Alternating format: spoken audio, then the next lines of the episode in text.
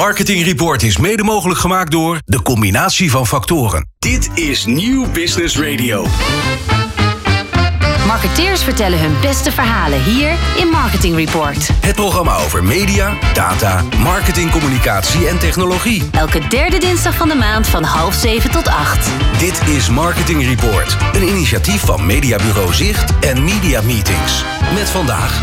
Vandaag hebben wij alleen maar winnaars in de uitzending. Uh, Jelisa Panvret, uh, zij is de belofte 2023. Sophie van der Schaft van Media Group, zij is Cross Media persoon 2023. Gijs den Buren van The Valley won een gouden Effie in 2023. Hola, hola. Antoine Houtsma, Joe Public Amsterdam, uh, zilveren en twee bronzen Effies. En natuurlijk hebben we vandaag ook weer de ziener van zicht, Rogier Bruggeman. Dit is Marketing Report op Nieuw Business Radio. Ja, en onze eerste gast, ik zei het al, alleen maar winnaars vandaag. Uh, onze eerste gast is Gijs ten Buren. Gijs, welkom. Je bent van The Valley. En uh, ik wil je om te beginnen ontzettend feliciteren met, uh, met jouw geweldige gouden Effie. Of jullie gouden Effie, moet ik zeggen. Ja, onze gouden Effie. Ja. Het zijn ja. er best veel mensen die eraan mee hebben gewerkt. Dus, Tuurlijk, want je bent trots als bureau dat je dat wint.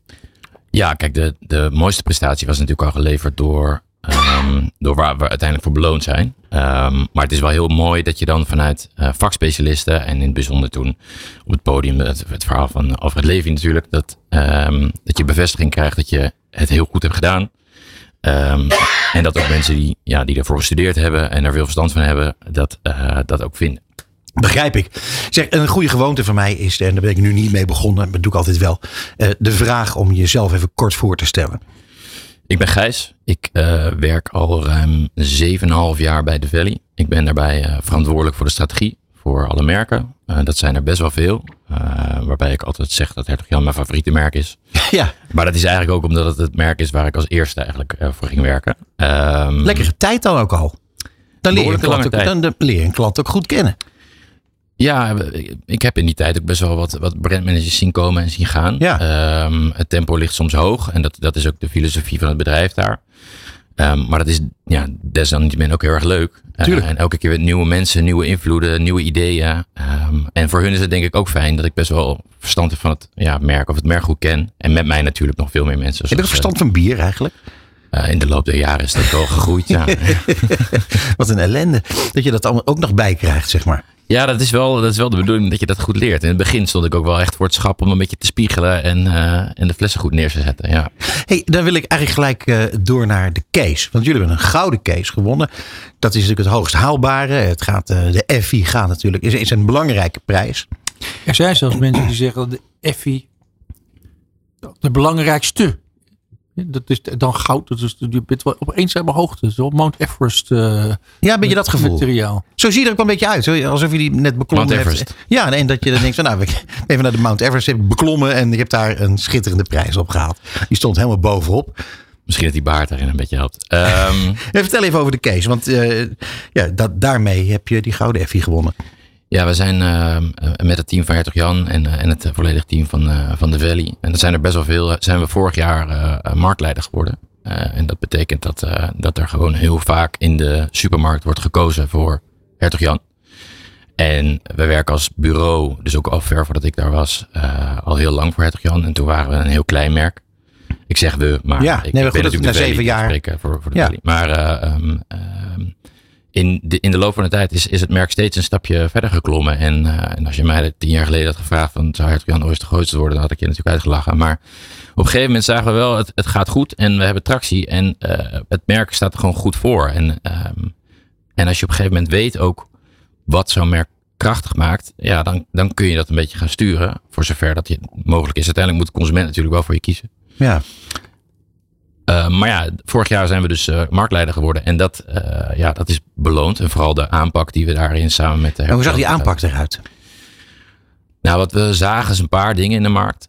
Eén is dat de grote concurrenten. Het is natuurlijk een hele marketinggedreven categorie. Met mm-hmm. enorm krachtige merken die allemaal bereik hebben en, en, liefhebbers. Maar ze waren allemaal voornamelijk aan het ja, praten over lifestyle, Formule 1, voetbal, carnaval. Maar ze waren eigenlijk niet aan het praten over het bier zelf, het product. Dus dat was een kans. En een tweede ding waar we achter kwamen tijdens uh, veel onderzoek was dat um, mensen Hertog Jan vooral waardeerden. Uh, of althans het pils ook heel erg waardeerden, omdat we ook speciaal bieren brouwen.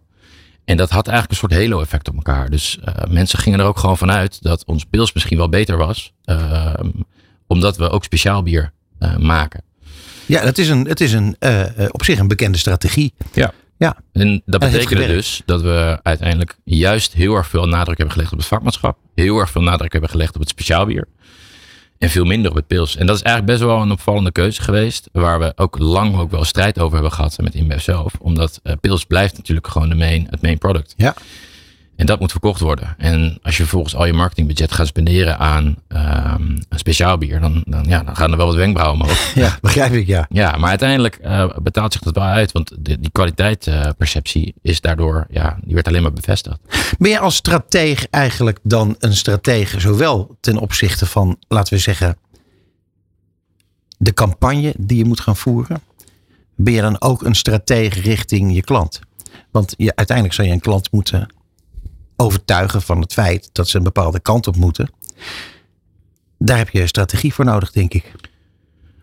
Ja, ik, ik probeer daar zelf in ieder geval zo breed mogelijk in te kijken. Dus um, je kijkt naar waar, staat zo'n klant op dat moment? Waar staat de markt voor? Uh, wat vinden wij zelf als bedrijf? En, en, en, de factor continuïteit en consistentie zijn daarin wel voor mij altijd belangrijk.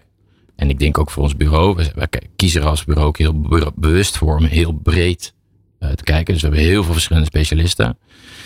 En idealiter telt dat allemaal op. Dus de mm -hmm. verwachtingen die je aan de voorkant creëert, uh, middels je communicatie, moet uiteindelijk door het product ook worden uh, ingevuld en bewezen. En uh, continu weer. Dat consistentie, de, de, dat komt elke keer terug. Waar, waar blijkt dat allemaal uit? En, en is dat iets wat bij jullie klanten vandaan moet komen? die consistentie, of dwing je dat af? is dat iets wat echt heel erg past bij, bij jullie bureau, bij de Valley? Uh, want dat consistentie, daar, daar, kom, daar hoor ik jou steeds over. Ja, um, dat, dat is voor elke klant natuurlijk anders. Maar als we even Hertog Jan, uh, daarvoor zitten we hier natuurlijk. Mm -hmm. Als we kijken naar Hertog Jan, wat ik ook zo waardeer aan de, aan de brandmanagers aan die kant, uh, is dat als je op een gegeven moment heel herkenbaar bent als merk, dan gaan mensen je daardoor ja, prefereren. Mm -hmm.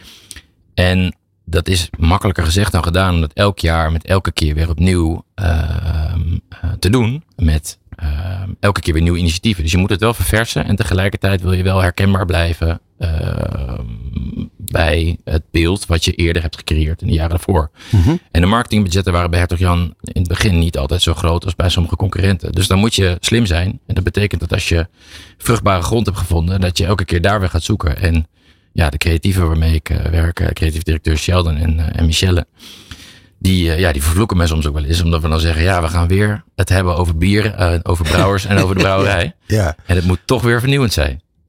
Maar ook zij, ja, zij herkennen dat inmiddels en weten ook uiteindelijk, ja, we vinden altijd wel weer iets. Ja. Ja, het is mooi. Hey, wat heeft de jury nou eigenlijk gezegd waarvan jij dacht van ja, dat vond, daarmee hebben ze de essentie van van ons winnende verhaal wel gepakt?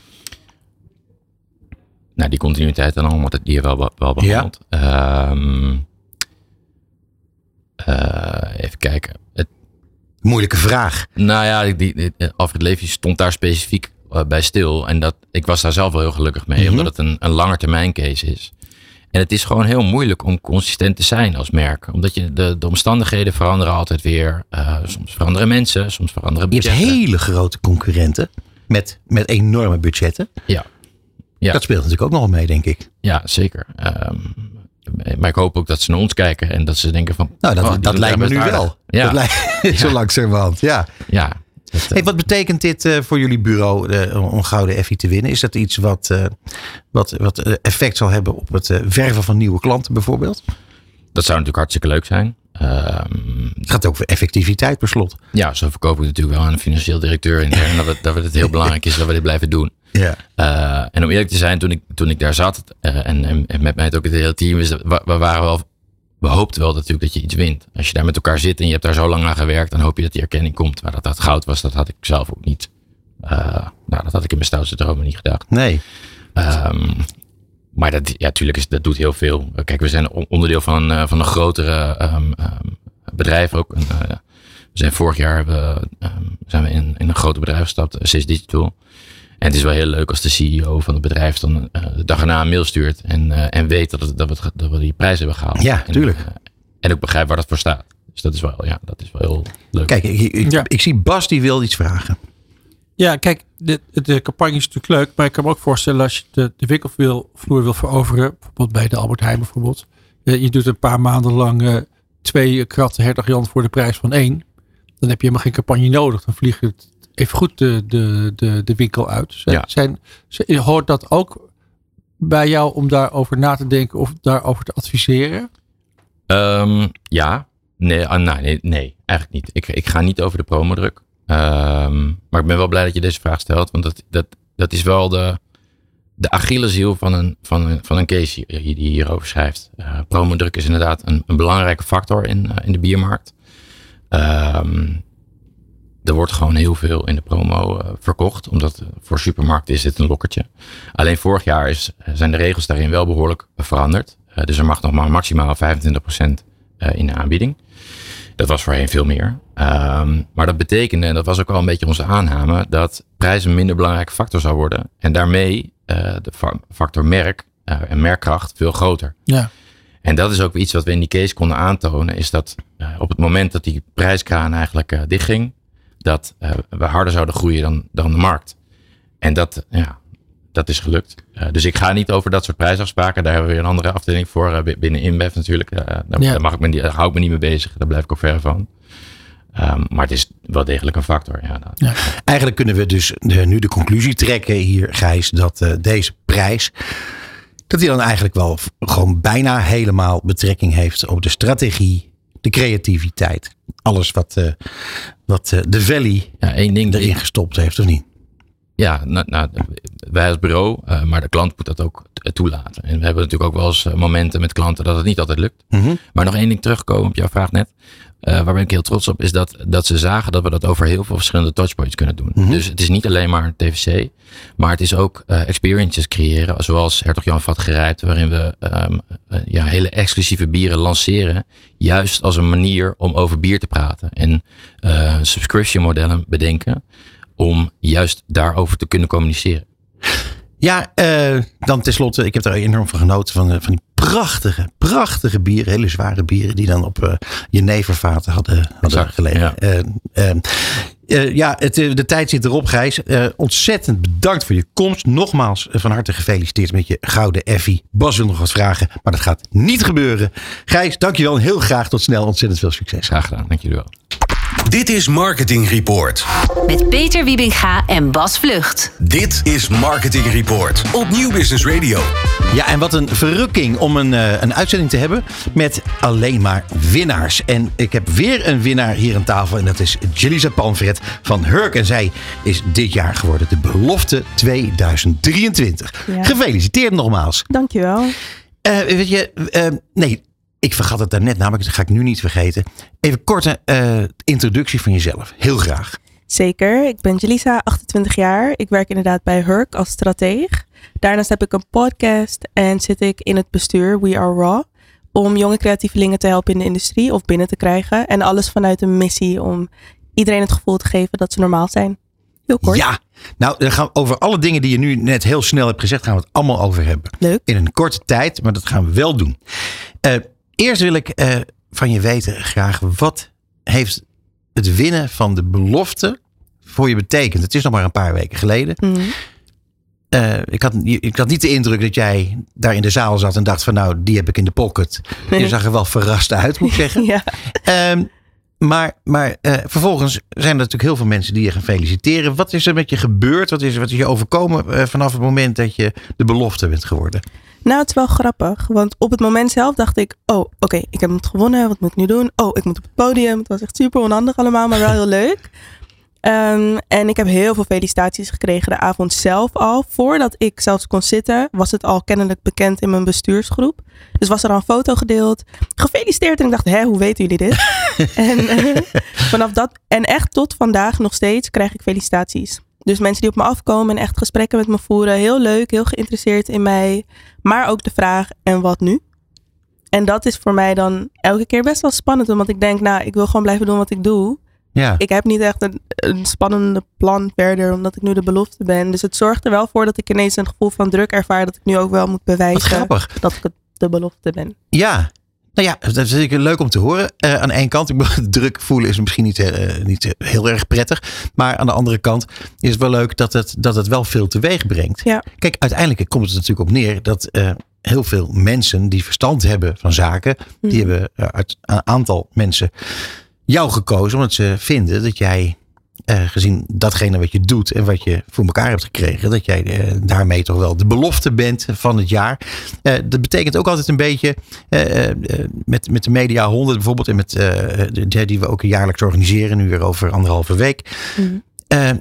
Dat de mensen die daar nu allemaal zijn, ja, dat zijn, eh, de, daar zitten straks al die beloftes. Dat zijn de mensen van, eh, die nu allemaal hard aan het werk zijn en hele Ja. toffe dingen doen. Sterker nog, Dat zijn de grote eh, mensen van Jelisa zit eh, volgend jaar al in de jury van de Cross Media Awards. Dan zit je daar zelf eh, om door jouw opvolger mede te kiezen. Hoe leuk is dat? Dat is heel leuk. Ja, superleuk, ja. ja. Nou goed, ehm, eh, maar heel erg leuk om te horen. Jij eh, vertelde net al dat je, dat je eh, een podcast maakt. Mhm. En eh, kan je daar iets meer over zeggen? Zeker. Mijn podcast heet Live Chats met Esri en Jelisa. Dat doe ik samen met mijn, een van mijn hele goede vriendinnen. Mhm. We zijn allebei sociaal psychologen.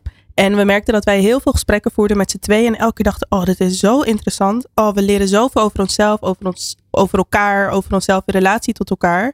En toen beseften we, laten we het gewoon opnemen. Mhm. En al luistert er maar één iemand, dan hopen we dat we iemand mee kunnen krijgen in die ontdekkingsreis. Omdat er zoveel onderwerpen zijn die ons onszelf kunnen laten verbeteren, weet je wel, door Mhm. zelfreflectie. Dus dingen als liefdestijlen, hechtingstijlen, code switching. Sommige mensen hebben niet eens door dat ze dat doen. Cultural appropriation, wat is dat? Dus toen dachten we, we gaan gewoon opnemen. Ja, wat is dat? Iemand... Cultural appropriation? Ja.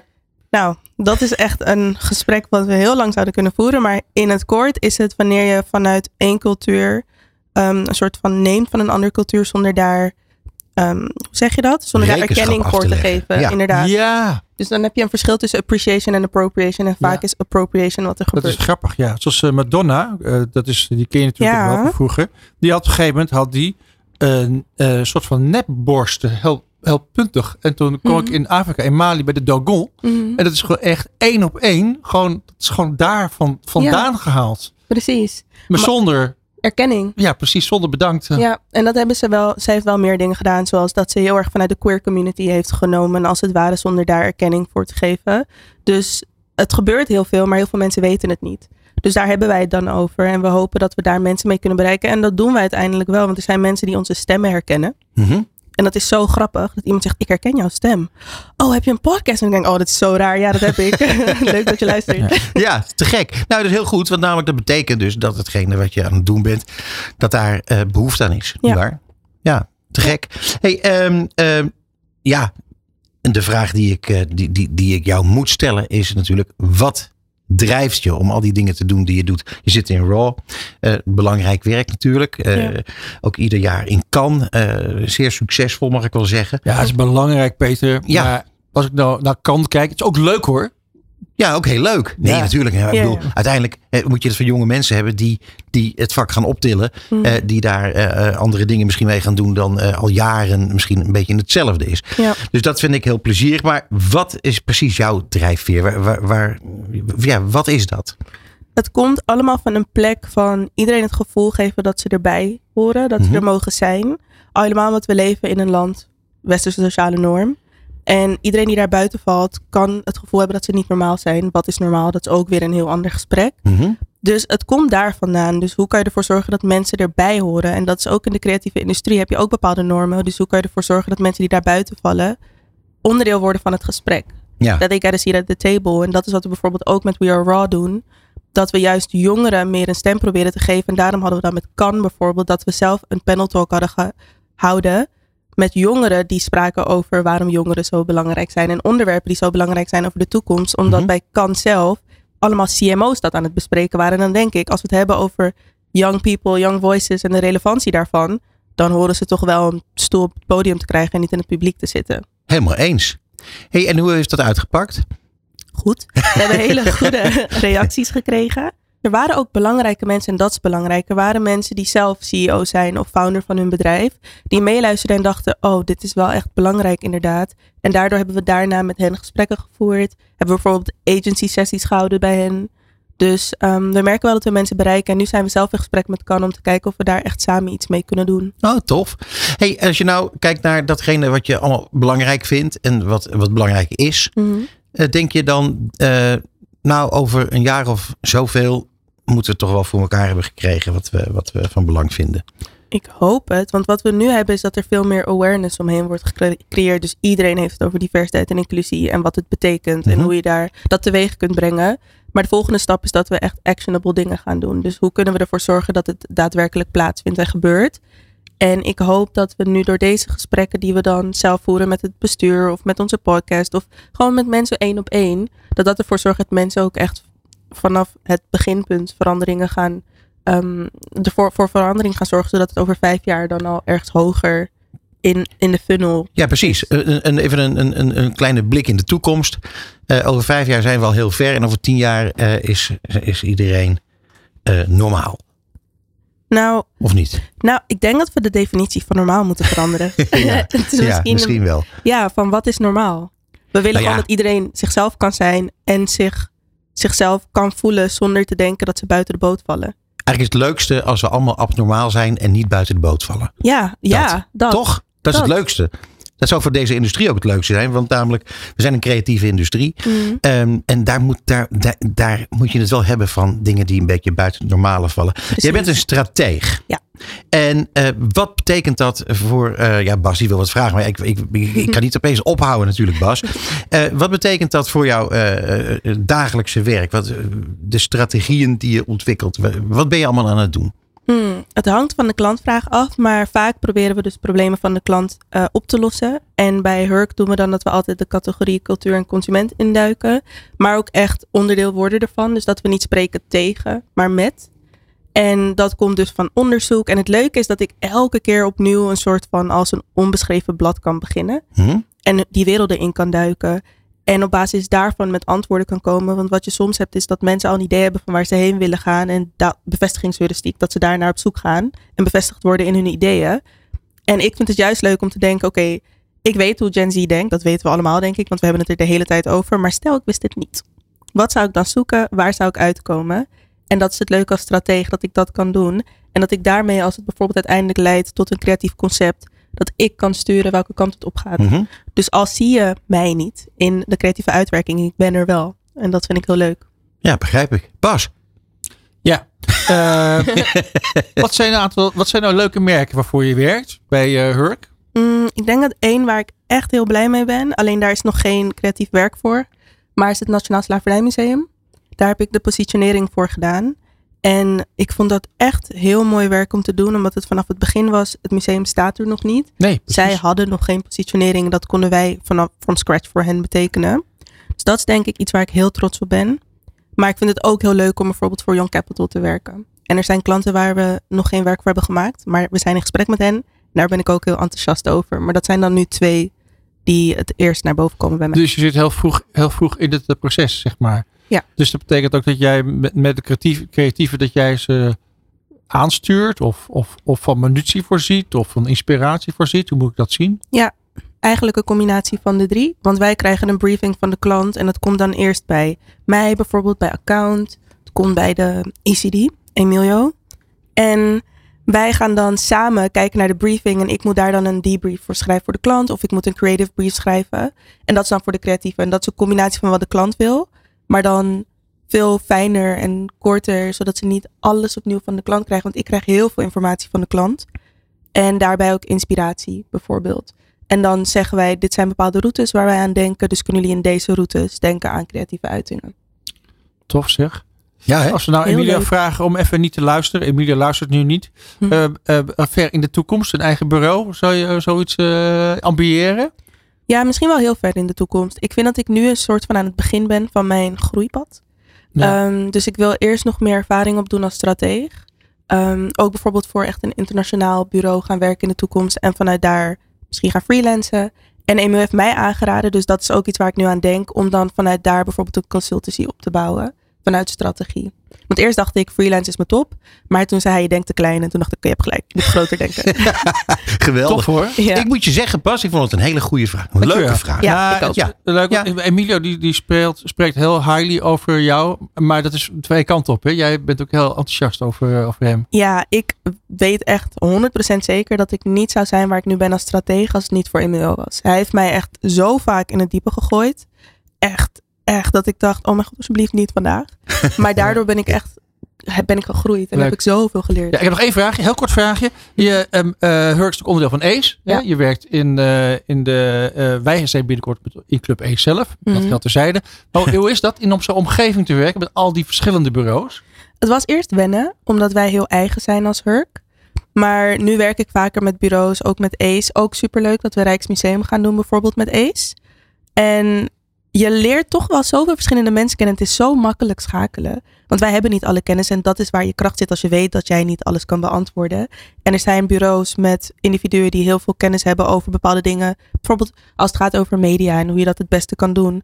Kan ik veel beter naar een IM-lounge lopen dan dat ik daar zelf antwoord op geef. Ja, je hebt toch zelf het, toch het idee dat je eh, redelijk wel alles eh, kunt beantwoorden zo zelf. Dat gevoel heb ik ook een beetje en daar wil ik ook mee afsluiten. Want namelijk, ik heb heel erg het idee dat al die mensen die hebben mogen meepraten en meebeslissen over wie de belofte van 2023 en ook een heel groot stuk van 2024 natuurlijk moest gaan worden. Ja, dat kon dat echt niemand anders zijn dan Jelisa Panfret. Dankjewel voor je komst naar de studio en eh, nou ja, heel veel succes in je carrière. Tot snel. Dankjewel. Jullie ook bedankt.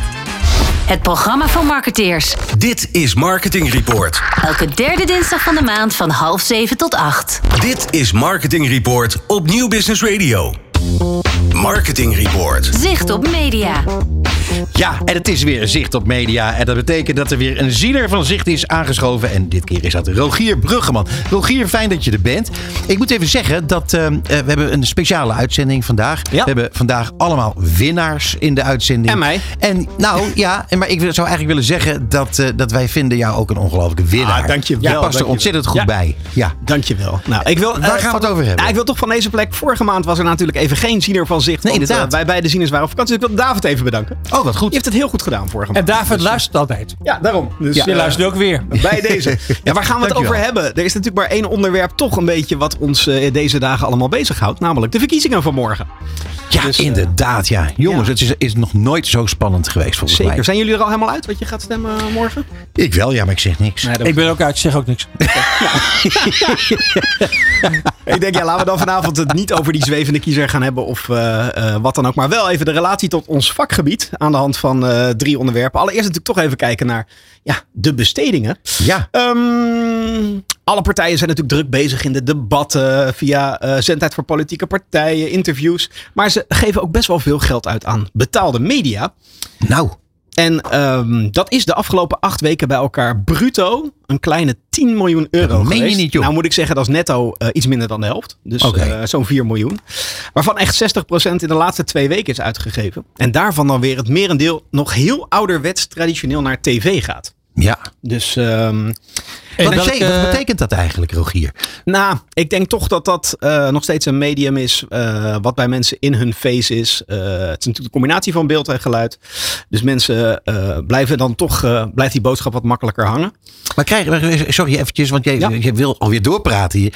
Begrijp ik, ik heb wel. Je hebt heel veel, ja, weet ik wel. Maar het is toch wel interessant om vast te stellen dat wanneer er op een ouderwetse manier met communicatie wordt omgegaan vanuit de politieke partijen, worden die dan eh, niet goed geadviseerd? Of denk je dat het uit de politieke partijen zelf komt? Nee, of, het- gaat hier om budget. Hè. We hebben zo Frank aan de lijn van eh, de Ster. Het kan ook Ja. gewoon zijn dat tv enorm duur is geworden afgelopen jaar. Laten we het daar dan eh, maar even Oh ja, daar kunnen we het ook nog even over hebben. En wie heeft er het meest gehad? Wie heeft het meest? Ja, dat is natuurlijk eh, de grote vraag. En terecht. Eh, dat is op dit moment de VVD. Tot eh, afgelopen zondag. Die hebben een derde ongeveer van al dat advertentiebudget wat is gedaan eh, uitgegeven. Leuk. Ehm, Mag ik nog even zeggen dat het filmpje gemaakt is door Stacey Rookhuizen van Bambi Leed? van Bobby Leed. Leuk, ja, hè? Die met Dylan. Die Ja, hebben vandaag geïnterviewd. Maar dat geldt terzijde. dat geldt terzijde. Op plek 2, ja, dat zie je dan niet helemaal terug in de peilingen. Maar 20% van het budget is uitgegeven door D66. Oh, En op plek 3 GroenLinks P van de A met ongeveer 15% van het totale eh, advertentiebudget. En plek Lagertjes, hoor. 4 is opvallend. En die gaan jullie denk ik niet raden. Wat denken jullie dat op plek 4, wie er op plek 4 staat? eh, CDA. Nee. Uh, Volt. Ja, nou, Oh ja? Bas. Nou. Je kan ook ziener worden, jij. Echt vlot. Ja, dat zou je toch eh, ook eh, niet verwachten eh, in relatie tot eh, de Maar niet op tv, traditionele partij. Niet op tv. Ook op tv, maar Ah. vooral veel digitaal budget. Ja, precies. Dus, ja, dat dacht ik wel. Ach ja. Ehm, als we dan gaan kijken naar de diverse verkiezingsprogramma's in relatie tot ons vakgebied. Ja, Mhm. daar staat niet zo heel veel over. Maar waar natuurlijk wel het nodige over staat, is de publieke omroep. Ja. Ehm, en Radio Freak heeft een heel mooi overzicht gemaakt van eh, wat staat er nou in eh, eh, al die programma's. Nou, opvallend is dat er maar één partij is die in haar verkiezingsprogramma het heeft over het onderwerp radio. Dat is eh, toch verrassend. De Partij voor de Dieren. Die willen Oh. namelijk op radio een goede afspiegeling van de Nederlandse cultuur op de radiozenders. En benoemen zendtijd voor jazz, wereldmuziek en de Nederlandse artiesten. Ehm, Wat grappig. en verder zijn er best wel veel partijen die inzoomen op de NPO in de breedte. Ehm, en vooral aan het rechterspectrum van eh, verkiezingsland willen de partijen bezuinigen. Geldt onder meer voor de VVD, eh, Nieuw Sociaal Contract, Ja 21, de PVV en Forum voor Democratie. Ja. Maar ja, het gaat dan wel om het geld wat natuurlijk vanuit de overheid naar de publieke omroep gaat. Het kan wel zo zijn dat minder geld vanuit de overheid betekent dat er wellicht meer vrijheden komen op het gebied van geld halen bij adverteerders. Ja. Wat natuurlijk iets wat is ingeperkt eh, de afgelopen tijd. Ehm daar over- tegenover staan natuurlijk een aantal partijen die juist willen streven naar een volledig reclamevrije publieke omroep. Dus misschien meer geld vanuit de staat daar naartoe willen brengen. Beetje BBC. Ja, maar Ja. ja. ja, dat betekent wel de opheffing eh, van onder meer de ster. En ja, daar zijn toch D66, GroenLinks, PvdA en SGP onder meer voor. Ja, en dan ben ik toch wel benieuwd eh, wat directeur van de ster Frank Volmer daarvan vindt. Dus ja, het leek mij een goed idee om Frank ook eventjes Nou, dat vind ik hartstikke leuk. Frank, hebben we jou aan de telefoon? Zeker. Ja, zeker. wat fijn. Welkom. wel- Welkom in ons programma. Nou, dat ze zijn. Zeg, ehm, ja, eh, het werd net al eventjes gezegd eh, door onze ziener van Zicht, Rogier. Ehm, ja, partijen die vinden dat de ster wel opgedoekt kan worden. Wat zeg je dan? Ja, volgens mij sinds onze oprichting 50 jaar geleden eh, is eh, zo eh, rondom, de, rondom verkiezingen is dit elke keer een thema. Ja. En tot nu toe is het elke keer niet gebeurd, maar wie weet dat, het nu, dat het nu anders is. Ik moet heel eerlijk zeggen dat ik ben ondertussen wel gewend aan deze discussie. En we leven gelukkig in een land waarin er allemaal coalities moeten komen. En in de coalities komt er toch meestal niet zo precies veel van terecht. En je zegt net al dat, dat er aan de rechterkant wordt er veel gezegd dat er minder publieke omroep moet komen. Ehm, maar dan willen ze dus dat er meer geld van reclame eh, naartoe gaat. Als je tenminste de publieke omroep voor de rest overeind wil houden. Eh, ja, eh, de, de, de, linkerpartij, daar zie je een aantal partijen die op sterren willen ingrijpen, op de reclame op de publieke omroep willen ingrijpen. Maar die willen vervolgens dat het gecompenseerd wordt. En daar lijkt me momenteel niet zoveel veel geld voor. Dus ja, in dat opzicht ehm, is het eh, voor, voor mij een beetje een boodschap van what else is nieuw. Hey, maar eh, Frank, ik heb het natuurlijk hier op hoofdlijn over. Heb jij echt al die eh, verkiezingsprogramma's doorgeakkerd? En wie is er nou eigenlijk het meest stervriendelijk, als ik het zo mag zeggen? Ja, dat, dat, toevallig hadden we die discussie hier op de, op de zaak. Toen vroeg ook iemand aan me van als het nou echt in het belang van, van, van sterren is, wat moet ik dan stemmen? En dan is het eigenlijk heel duidelijk, dan moet je CDA stemmen. Want CDA is de partij die zowel de publieke omroep overeind wil houden als eh, het belang van, eh van eh, sterreclame ziet. Dus eh, CDA. Ja, maar die willen wel naar een halvering van de Naar de reclame. omroep in zijn algemeenheid en naar de sterren in het bijzonder. Hé, maar eh, ik had wel gelezen in hun programma dat zij naar een halvering van de reclame op de lineaire willen, kanalen willen gaan. Een beetje wat nu ook al aanvankelijk was ingezet, toch? Ja, dat, maar ik moet heel eerlijk zeggen dat ik dat in zichzelf vind ik dat minder erg dan dat je niet toegelaten wordt tot het digitale domein. Ja, Kijk. Eh, uiteindelijk dat er minder reclame op, eh, op de lineaire tv zit, ja, dat hebben we de afgelopen tijd ingezet. Nou, en dat is op zich prima. Ja, het leidt wel tot prijsverhogingen op eh, televisie. Dat is, je ziet dat die kracht op de, op de, op de markt wel leidt tot dat het duurder wordt. Maar op zich kan ik best wel leven met dat er minder televisiereclame is, als er maar ruimte tot, op het digitale domein. En zijn er partijen die zich daar ook specifiek over hebben uitgesproken, dat digitale domein, in hun, in hun verkiezingsprogramma? Nou, dat is niet heel erg specifiek benoemd, maar er is wel eh, door, eh, door eh, eh, partijen benoemd dat, ja, dat het belangrijk is dat, we, dat waar de publieke omroep is, dat we daar ook commercieel moeten exporteren. Helder. Ja, wat ik me nog afvraag. eh, denk jij dat deze discussie, je gaf het net al een beetje aan. Het komt steeds terug bij verkiezingen. Is het een, om een beetje bij het CDA te blijven, een gebed zonder end? Nou, ja, dat, dat weet je natuurlijk nooit helemaal zeker. Als er iemand echt werk van maakt, zoals in het geval van Slop, die heeft natuurlijk toch, een, eh, die heeft natuurlijk toch wat voor elkaar gekregen. In Zeker. de zin van dat hij ervoor gezorgd heeft dat er geen reclame van commerciële partijen meer op de publieke uh, omroep is, daar waar het om digitaal gaat. Mhm. Ja, dat is, uh, dat is iets waarvan nu echt iedereen bij zichzelf denkt, ja, dat is, hoe, hoe handig is dat geweest? Maar dat, daar zie je wel heel erg van dat de invloed van een persoon toch heel groot kan zijn. Ja. Ja, wat mij betreft had het kabinet niet moeten vallen, want uh, hoeft niet hoeven vallen, want met uh, Gunnar Oeslo hadden we eigenlijk hartstikke goed contact. Zeker, we waren, ja.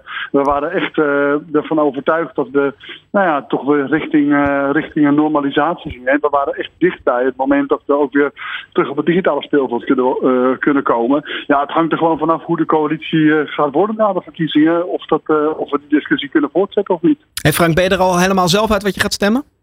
Ja, zakelijk moet ik CDA stemmen natuurlijk. Maar ik, ja, ik twijfel nog wel een beetje hoor. Ik ben, uh, ik, uh, of, mijn, of er zijn nog een aantal andere standpunten die niet over reclame in de publieke omroep gaan. Die je toch ook belangrijk vindt. Dus, ja, uh, nee. Maar voor de rest dan moet, ik echt, moet ik zakelijk iedereen adviseren om CDA te stemmen. Nou, dan ga ik toch nog even door naar het... oh, Bas wil nog wat... nou, ik ben heel even vraagjes door, Frank. Je was onlangs in de podcast bij onze collega David de Jong. Geweldige podcast. Ja. Complimenten daarvoor. Daar was je heel openhartig. En je was ook bang dat je woordvoerders nog heel boos zouden zijn. Ben je zo openhartig was. Heb je het, uh, ging het nog een beetje? nou ja, die, die, die, die, die, zijn altijd boos op me. Dus. Oh. Mooi is dat. Oh, oh, oh. Hey, ik wilde toch nog even stilstaan bij. Stel dat wij het nou met z'n allen uh, in de marketing-communicatiesector voor het zeggen zouden hebben. Hoe zou het landschap er dan uitzien? De Adformatie deed hier afgelopen week weer uh, onderzoek naar. En ja, daar zien we toch dat de VVD dan de overall winnaar zou zijn. Die zouden 40 zetels krijgen. Op plek 2 GroenLinks PvdA met 31. En op de derde plek D66 met um, 26 zetels. Nou, er wordt natuurlijk wel nog eens gezegd dat media en reclame een soort aparte bloedgroepen zijn. En dat zie je daar ook wel in terug. Want als je het aan de reclamemensen zou vragen, dan is uh, GroenLinks PvdA echt ruim de grootste met 46 zetels. En bij de mediamensen wint de VVD met 54 zetels. En ook bij de marketeers, natuurlijk, we hebben veel luisteraars uh, met Marketing Report die natuurlijk marketeer zijn. Ja, daar lijkt, die lijken toch het meest op de mediamensen, want ook daar haalt de VVD 52 zetels. En GroenLinks PvdA slechts 21. Het grappige is wel dat Partij voor de Dieren bij de marketeers het even goed doet als GroenLinks PvdA. Op een tweede plek. Nou Dus, ja. uh, best grappig. Um, ja, ik denk dat we uh, kunnen afsluiten met het feit dat natuurlijk Geert Wilders uh, de grootste lijkt te worden. Wellicht al dus de peiling van INO Research. Maar in ons vakgebied zou die niet verder komen dan vier zetels. Kijk, dat, dat, vind ik, dat vind ik wel een goede opsteker zo aan het eind van, ja, van, van dit uh, verhaal. En verder, ja, we gaan het wel zien uh, morgen allemaal. Ik denk dat het goed is als iedereen uh, gaat stemmen per definitie. Want dat, dat is waar. moeten we gebruiken. Kijk, één ding is in elk geval zeker. Dat wie er gaan regeren, dat is nog volstrekt onbekend. Maar dat uh, Frank Volmer nog een tijdje bij de ster blijft zitten, dat is wel zeker, hè Frank? Nou, ik denk het wel, ja. Ja, ja. Nee, heel graag. Dan uh, spreken we jou binnenkort weer. Oké, okay, dankjewel. Dankjewel, hè. Ja, Rogier. Uh, had jij nog meer onderwerpen of zeg jij van nee, nou... Nee, we, we, houden het lekker hierbij. Uh, morgen allemaal stemmen en uh, dan zien we het daarna wel weer. Kunnen nou. we het later weer hebben over mogelijke formaties en dat soort dingen. Of weer gewoon ouderwets over andere media-onderwerpen. Ik vind het lekker. nogmaals, dank voor je komst. nogmaals ook dat je weer ja, een soort van winnende, winnende zienerschap hebt te, te blijk gegeven. Het is geen wedstrijd, mensen. Nou, dat zeg jij nou wel, maar jullie, jullie wisselen het wel af, hè? Ja, Wij vergelijken dat wel. Ja? ja. Nou, dan, horen we, dan gaan we het evalueren binnenkort en dan horen we het wel. hey, dankjewel. De zienerverzicht, Rogier Bruggeman. Dit is Marketing Report. Met Peter Wiebinga en Bas Vlucht. Dit is Marketing Report op Nieuw Business Radio. Ja, en in deze winnaarsuitzending hebben we nu Antoine Houtsma. Hij is van Joe Public Amsterdam en uh, won één zilveren en twee bronzen effies. Onlangs gefeliciteerd, man. Dankjewel. Wat een, uh, wat een, een, een feest moet dat geweest zijn bij jullie. Ja, dat was ongelooflijk, ja. Ja, ja. Uh, want dat doe je nou allemaal niet voor niks, zou ik willen zeggen. Maar voordat we hier allemaal over gaan praten, graag even een korte introductie van jezelf. Een korte introductie van ja, mezelf? Ja, ja, graag. Oh. Wie is Antoine? Wie is Antoine? Hij is uh, een creatief die uh, 30 jaar in de reclame zit. Die uh, 11, nee, 12 jaar geleden zijn eigen bureau heeft, op heeft gericht samen met twee anderen. Jeroen van Eck en Bartos Indy. En nou, we zijn nu 12 jaar verder. De ja. grote winnaar op de FI-avond. Een paar jaar geleden werden we bureau van het jaar. Dat was ook zo'n groot feest. Ja, dat zijn toch de avonden ja. waar je naar verlangt als je een bureau begint. Dat begrijp ik heel goed. Ja, ik heb een vraag. Oh, jemig. Ja. Dat is wel heel snel, Bas. Kun je aantonen dat als je een FI wint of veel FI's wint, dat je ook meer klanten krijgt? Kan je dat gewoon een Excel-sheet schrijven, pinpointen? Toen wonnen we dat en een jaar later, kijk eens even. Mm, nee, ik heb geen Excel sheet. Ik ben sowieso niet zo heel goed in Excel sheets, maar... Uh, We gaan de vraag beantwoorden. Ja, ja, ja ik, ik, ik zit na te denken. Wat, kijk, de afgelopen, het is echt uh, best wel bizar. Dus de, uh, we bestaan twaalf jaar. De eerste vier jaar ja, wonnen we wel wat prijsjes, maar geen, geen effies. De, in de laatste acht jaar hebben we op een of andere manier het, uh, de code weten te kraken. We hebben twaalf, ja, twaalf effies gewonnen. Um, dus dat is best wel stabiel. Dus, dus ja, dit jaar drie, maar meestal één of twee. Um, en uh, we hebben een hele ja, stabiele groei. Dus ik kan niet echt zeggen van, uh, oh, toen wonnen we een Effie en toen uh, schoot het door het dak. Maar het is wel zo dat we jaar in jaar uit Effies winnen.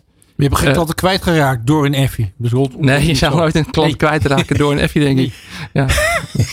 dat is dat nou weer Ja, maar ik vind, ik, ik vind het zo'n slimme prijs. Effie, kijk, als ik een adverteerder was, dan zou ik denken, ja, creatief werk, ja, uh, de groeten, ik wil effectief werk. Tuurlijk. Dus ja, dus, dus in die zin ja. is het per definitie uh, vanuit een semantisch opzicht gewoon de prijs der prijzen. Klopt. Omdat het gewoon de, de, als prijs de beste propositie heeft. Punt. Nee, natuurlijk. Ja, het, het, is, is waar. het is ook heel moeilijk om te winnen. Uh, het is echt heel moeilijk om een Effie te winnen. Uh, je moet klanten krijgen die, ja, die, die een bepaald werk toestaan. Wat dan Effie kan winnen. Je moet aantonen dat jouw campagne het verschil heeft gemaakt. Dus heel je veel moet, data. Ja, je moet data over, hebben. Je moet, je moet dingen meten. Nul metingen, één metingen, weet ik het allemaal. Uh, omzetten moeten door het dak. Je moet zoveel bewijs aanleveren dat het door jouw campagne komt. Dat het echt ja, heel moeilijk is om te winnen. En wij werden echt compleet verrast dat we er drie op één avond wonnen. Was, ja, dat gebeurt echt zelden dat een bureau drie F's op een avond wint. En ja, het is ons nooit uh, overkomen. Dat was, was het eigenlijk zo dat je, toen je die drie F's op zak had, dat je toen dacht, ik moet nu onmiddellijk het plamuurmes erbij pakken en ik ga dat uh, takeaway advertising van mijn raam af uh, krabben? ja, dat, dat is een. Ja, ik weet niet, staat dat met elkaar in verband? Nee, uh, nee, het staat niet met elkaar in verband. Het is echt ook puur toeval. Je, de hint op een bericht wat ik op social media geplaatst heb. Inderdaad, ja. dat we onze naam gewijzigd hebben van ja. Joe Public Takeaway Advertising naar uh, Joe Public Amsterdam. Um, dat hebben we ook gedaan met een advertentie waarin uh, uh, we hebben een filmpje geplaatst waarin je ziet inderdaad dat ons pand opnieuw bestickerd werd. Dat ja. klopt. We hebben ook een advertentie geplaatst met als kopregel uh, 12 F's in 8 jaar. Dat kan je geen takeaway meer noemen. Uh, het heeft wel iets met elkaar te maken, denk ik. Uh, want ja, we willen heel graag uh, serieus genomen worden door grote adverteerders. En wat we ja. wel merkten, we hebben heel lang zijn we succesvol geweest met onze takeaway advertising formule. Dat was revolutionair. Was, ja, het absoluut. Is en was revolutionair. Dus, Ja. dus op zich werken we nog steeds volgens het model van een vaste menukaart voor alle klanten die dezelfde tarieven betalen. En die zijn goedkoper dan bij de andere concurrerende topbureaus en dergelijke. Maar wat we steeds meer merkten is dat uh, er is wat een soort toch een plafond aan onze groei. Uh, en dat hebben we geanalyseerd en we kwamen tot conclusie, of die terecht is, weten we, gaan we ervaren. Maar dat er twee dingen aan de grondslag liggen. Uh, takeaway advertising wordt door grotere adverteerders, meer corporate adverteerders of echt grote, um, toch nog wel eens gezien als een soort gimmick. en, en niet als een bureau wat op de lange termijn ja. voor de strategie bewaakt en de regie doet en alles. Um, dat is aan één kant. en kijk, wat is de andere kant? Het is heel lang in je e-mailadres. Ja, dat is heel lang e-mailadres inderdaad. Ja, dat was eigenlijk de belangrijkste reden. Was, ja, ja, nee. Dus, oh ja, het andere is dus dat we um, aan die takeaway advertising formule zat ook vast, voor ons gevoel, dat we niet uh, meededen aan pitches. Omdat we dachten, ja, ja we precies. hebben een, een, een, lage tariefkaart, dus je kan gewoon ons uitproberen. We, we uh, werken heel snel, dus na een week heb je al de proof of the pudding. Dus je, je ziet dan meteen of het, of het een bureau is wat bij je past. Dus dat hebben we ook aangepast begin dit jaar. Begin dit jaar ze hebben we de deur opengezet voor betaalde pitches. Omdat we gewoon ook die grotere adverteerders ja, willen. We hebben heel veel kwaliteit in huis. Dat, hè, het bewijs wordt elk jaar weer geleverd door die Effies. Hey Advan, betaalde pitches. Hoeveel krijg je dan betaald voor zo'n pitch? Uh, we hebben het op de menukaart gezet vanaf 7.500 euro. Dus ja, dat, heel veel werk. Hè? En, en dan uh, maak je een, een, deel, een deelteam voor een week vrij? Of, of, of is dat nog langer werk? Ja, dat is afhankelijk dus van het soort pitch. Hè. Je hebt ze in allerlei maten en, en allerlei vragen. En, en, en adverteerders zijn er heel bedreven in om het altijd te laten lijken alsof het heel klein is. Uh, we hebben willen een paar strategische slides. Een paar st- en misschien een creatieve vingeroefening. Nou ja, zodra dat soort eh, dingen in de vraagstelling eh, staan. Weet je dat alle bureaus in die pitch helemaal losgaan Ja. met creatief werk. Dus- ik heb nog een serieuze vraag. Ja. Eh, eh, die eh, Amsterdam, hè, dat is wel interessant, hè, met de magie van Amsterdam. Die hebben bijvoorbeeld niet Super Rebel Breda of Vertical 6 Arnhem. Maar het is altijd, zelfs Rotterdam niet. Ook niet Utrecht, het is alleen Amsterdam. Hmm. En dan ben je niet het enige bureau. Ik kan er zo, als ik een beetje mijn best doe, zo tien opnoemen. Ja. Met Ja, Amsterdam. Het dat- dat- merk. Toch de magic is het, hè? Terwijl jullie je niet per se eh, internationaal eh, profileren. Ho, ho, maar wel, ho, ho, je, wel, ho, je ho, onderscheidt je natuurlijk wel van eh, de vestigingen in eh, Johannesburg en eh, Ja, maar hier ga, je, hier ga je even helemaal scheef, Bas. Want Ja. dat, maar goed, dat gaat. eh Dat Antoine beleid jij hem op de vinger stikt. Oh ja, oké. Ja. Nee, het, eh, ehm, eh, dat had ik misschien net te vertellen, Bas, maar ik zal het je uitleggen. Ja, ja ik, Ehm, ik, ik, daar zijn we voor. hè? Ja, Joe Public zit dus ook in Zuid-Afrika inderdaad. In Johannesburg, Kaapstad, Durban. Dat weet jij. Ja. Ehm, vorig jaar hebben we ons kantoor in Antwerpen geopend. Nou, dat hebben we ook geweten. We waren erbij. Eh, ja, je Ja. was erbij. Zeker. Eh, en onze ambities gaan verder. We, we zitten nu te denken aan Londen. Ah, Eh, en dus in dat eh, opzicht moet je het ook eh, ja, zien. tof. Heel leuk. Joe Ja. Public Amsterdam, Joe Public Ja, Londen. heel Nou leuk. ja, we, we hebben een stip op de horizon waar we naartoe Zo. bouwen. Heel leuk. Ja, we praten hier niet over flauwekul, mensen. Eh, en we praten hier over een, een Effie-winnend bureau. Je had het net over eh, dat jullie zaten aan het plafond aan de groei. Maar hoe, hoe, eh, hoe werkt dat, plafond aan de groei? Dat is wel een Excel sheet. Dus dan kijk je elk jaar naar je cijfers. Ja, En dan zie je dat ze hetzelfde zijn als het jaar ervoor. oké. Ah, oké. Dus ik bedoel, er zat geen plafond aan de groei zozeer als wel dat jullie eigen model eigenlijk niet meer voldeed. Nou, het voldeed wel. Als je een bureau wil blijven met, eh met 20 man en een Mhm. bepaalde inkomen. Ja. En we maakten goede winst en zo. Dus eh, we konden bonus geven aan ons personeel. Dus eh, dat was allemaal prima. Ja. Maar onze ambities zijn groter. Ik, ik zeg net al onze buitenlandse ambities. Maar Ja. ja, we hebben gewoon echt hele goede mensen die, die allemaal even winnen. Ja, dat kunnen we ook voor grotere adverteerders met meer budget. En ja, dat, daar doe je het voor als reclame maken. Je wil gewoon heel zichtbaar werk maken. Als je nou kijkt naar, naar eh, jullie nieuwe propositie. Ja. Hè, er is wel het een en ander veranderd. Waarom zouden bureaus dan voor jullie kiezen in plaats van voor een ander bureau? Adverteren. Adverteerders. Of ik, ja, pardon. ja, bureaus mogen ook ja, die ook mogen jullie klant worden. Nee, excuus, ja. Ehm, waarom zouden ze ons... Nou, eh, er zijn meerdere redenen. Dus nog enerzijds blijven we nog steeds op die la- laagdrempelige manier werken. Hè, dus dat, je ziet aan ons model, jaar in jaar, dat houden we allemaal goed bij, jaar in jaar uit. Zie je dat we 10 tot 15 nieuwe klanten krijgen. En, en dat zijn meestal mm, eh, middelgrote eh, adverteerders. Ehm, dus dat willen we graag zo, zo houden. Heel leuk, want eh, daardoor werk je voor pretparken, dierentuinen, eh, maar ook allerlei merken van Unilever, Friesland Campina. Dus dat is allemaal superleuk. Ja. Ehm, en, en laagdrempelig. Dus dat is, blijft een reden, denk ik, om voor ons te kiezen. Onze vaste menukaart met de vaste tarieven. Eh, maar los daarvan, ehm, kijk, de naam Joe Public, dat is Engels voor eh, Jan met de pet. Mhm. En als je ziet het Dat werk. we ook. Wat zeg je? Nou, dat wisten we ook. Oh, dat wist je ook. ja. ja, jullie weten heel veel. Ja, dat, dat, dat, ja, het is radio, dat zien mensen thuis niet. Maar als je jullie ziet zitten, dan denk je niet per definitie: oh, die mannen weten veel. Ja. Nou, misschien, ik weet niet, is er, is er ook beeld bij? Well, well done, Antoine. Oké. Heel goed. Ja. ja, dus een sidejob bij stand-up comedian. Ja, ja, ja, ja, ja, af, en nee, toe wel even, goed. af en toe een grapje erin gooien. Nee, please. Ehm, maar was ik even... oh ja, kijk, Joe Public betekent Jan met de pet. En, en als je kijkt naar het werk wat ze in Zuid-Afrika maken, is heel anders dan het werk wat wij maken. Heel mooi werk, maar heel eh, serieus vaak. Super mooi uitgevoerd. Eh, eh, enorme producties. Ze werkt daar voor de grootste bank. Nou, echt grote adverteerders. Ehm, en wat wij in Nederland doen, is hetzelfde, maar dan op een andere manier. Wij weten ook heel erg de taal van het grote publiek te spreken. Dus dat is denk ik wel in de kern wat Joe Public goed kan. Mhm. Eh, de massa aanspreken. Met aansprekend werk, met impactvol werk.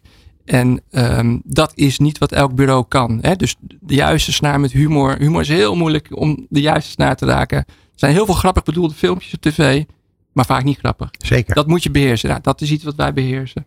Eh, maar überhaupt, wat breder dan humor, eh, beheersen wij denk ik heel goed om, om impact te maken bij het grote publiek.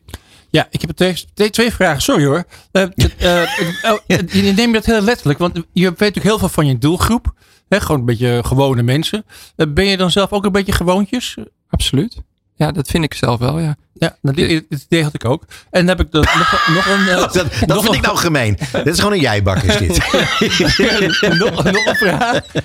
Uh, Peter zei op als bureaus jullie inhuren. Toen dacht ik, ja, stel je nou voor. Rick Ledder, die ken je wel, van ja. TBA. Ja. Die werkt voor een joeker van de klas. Heineken. Heineken wereldwijd, kan je het schelen. En die zegt, god, uh, Antoine, je hebt het zo druk, ik heb er eigenlijk al geen tijd voor. Zou jij het komend jaar voor Heineken willen werken? Ga je dik betalen, maar Niemand mag het weten. Je krijgt er nooit credits voor. Je, je zet je beste mensen in al je goede ideeën. Alleen money. Alleen geld. Nee. Zou je het niet doen? Natuurlijk niet. Nee, maar ik vraag het aan de hand van. Ja, weet, dat is Waarom zou toch niet gek? Ik, uh, ja, misschien een, uh, weet niet, een dure auto. Een mooi horloge. Tweede huis. Nou, het grappige is, je vraagt net, hè, ben je zelf dan gewoon gebleven? Ja, ik, oké, ik heb een eigen bureau. En, dus ik, en het tweede huis. Ik weet wat staat. Ja, absoluut. Dus ik heb het niet slecht, maar uh, ik, ik heb totaal geen fysieke behoeftes. Dus als ik, oh, ik weet al twintig jaar niks voor mijn verjaardag, want ik heb geen fysieke behoeftes. Ik koop nooit kleren, ik koop nooit schoenen, ik koop niks. Uh, dat is één punt. Dus geld is voor mij geen drijfveer. Ik wel in de zin van, ik ben heel erg goed uh, commercieel voor, om het, het, bureau goed te laten renderen. Dus ik ben heel goed uh, wel scherp op de centen als het gaat om het bureau. Om op het eind van het jaar bonussen te kunnen uitkeren aan, aan mensen die voor hard voor ons en werken. En eerzuchtig eerzuchtig, ja, zeker. Ja, ambitieus. Ja. Ambitieus. Maar er is niks te winnen voor ons om, om white label voor, voor TBA. Uh, bier. Bovendien hebben we Gros als biermerk net binnengehaald. Als, dus, dus dat gaat sowieso niet. Nee, helemaal in het begin, toen we nul klanten hadden. Nou, we hadden één klant, sorry.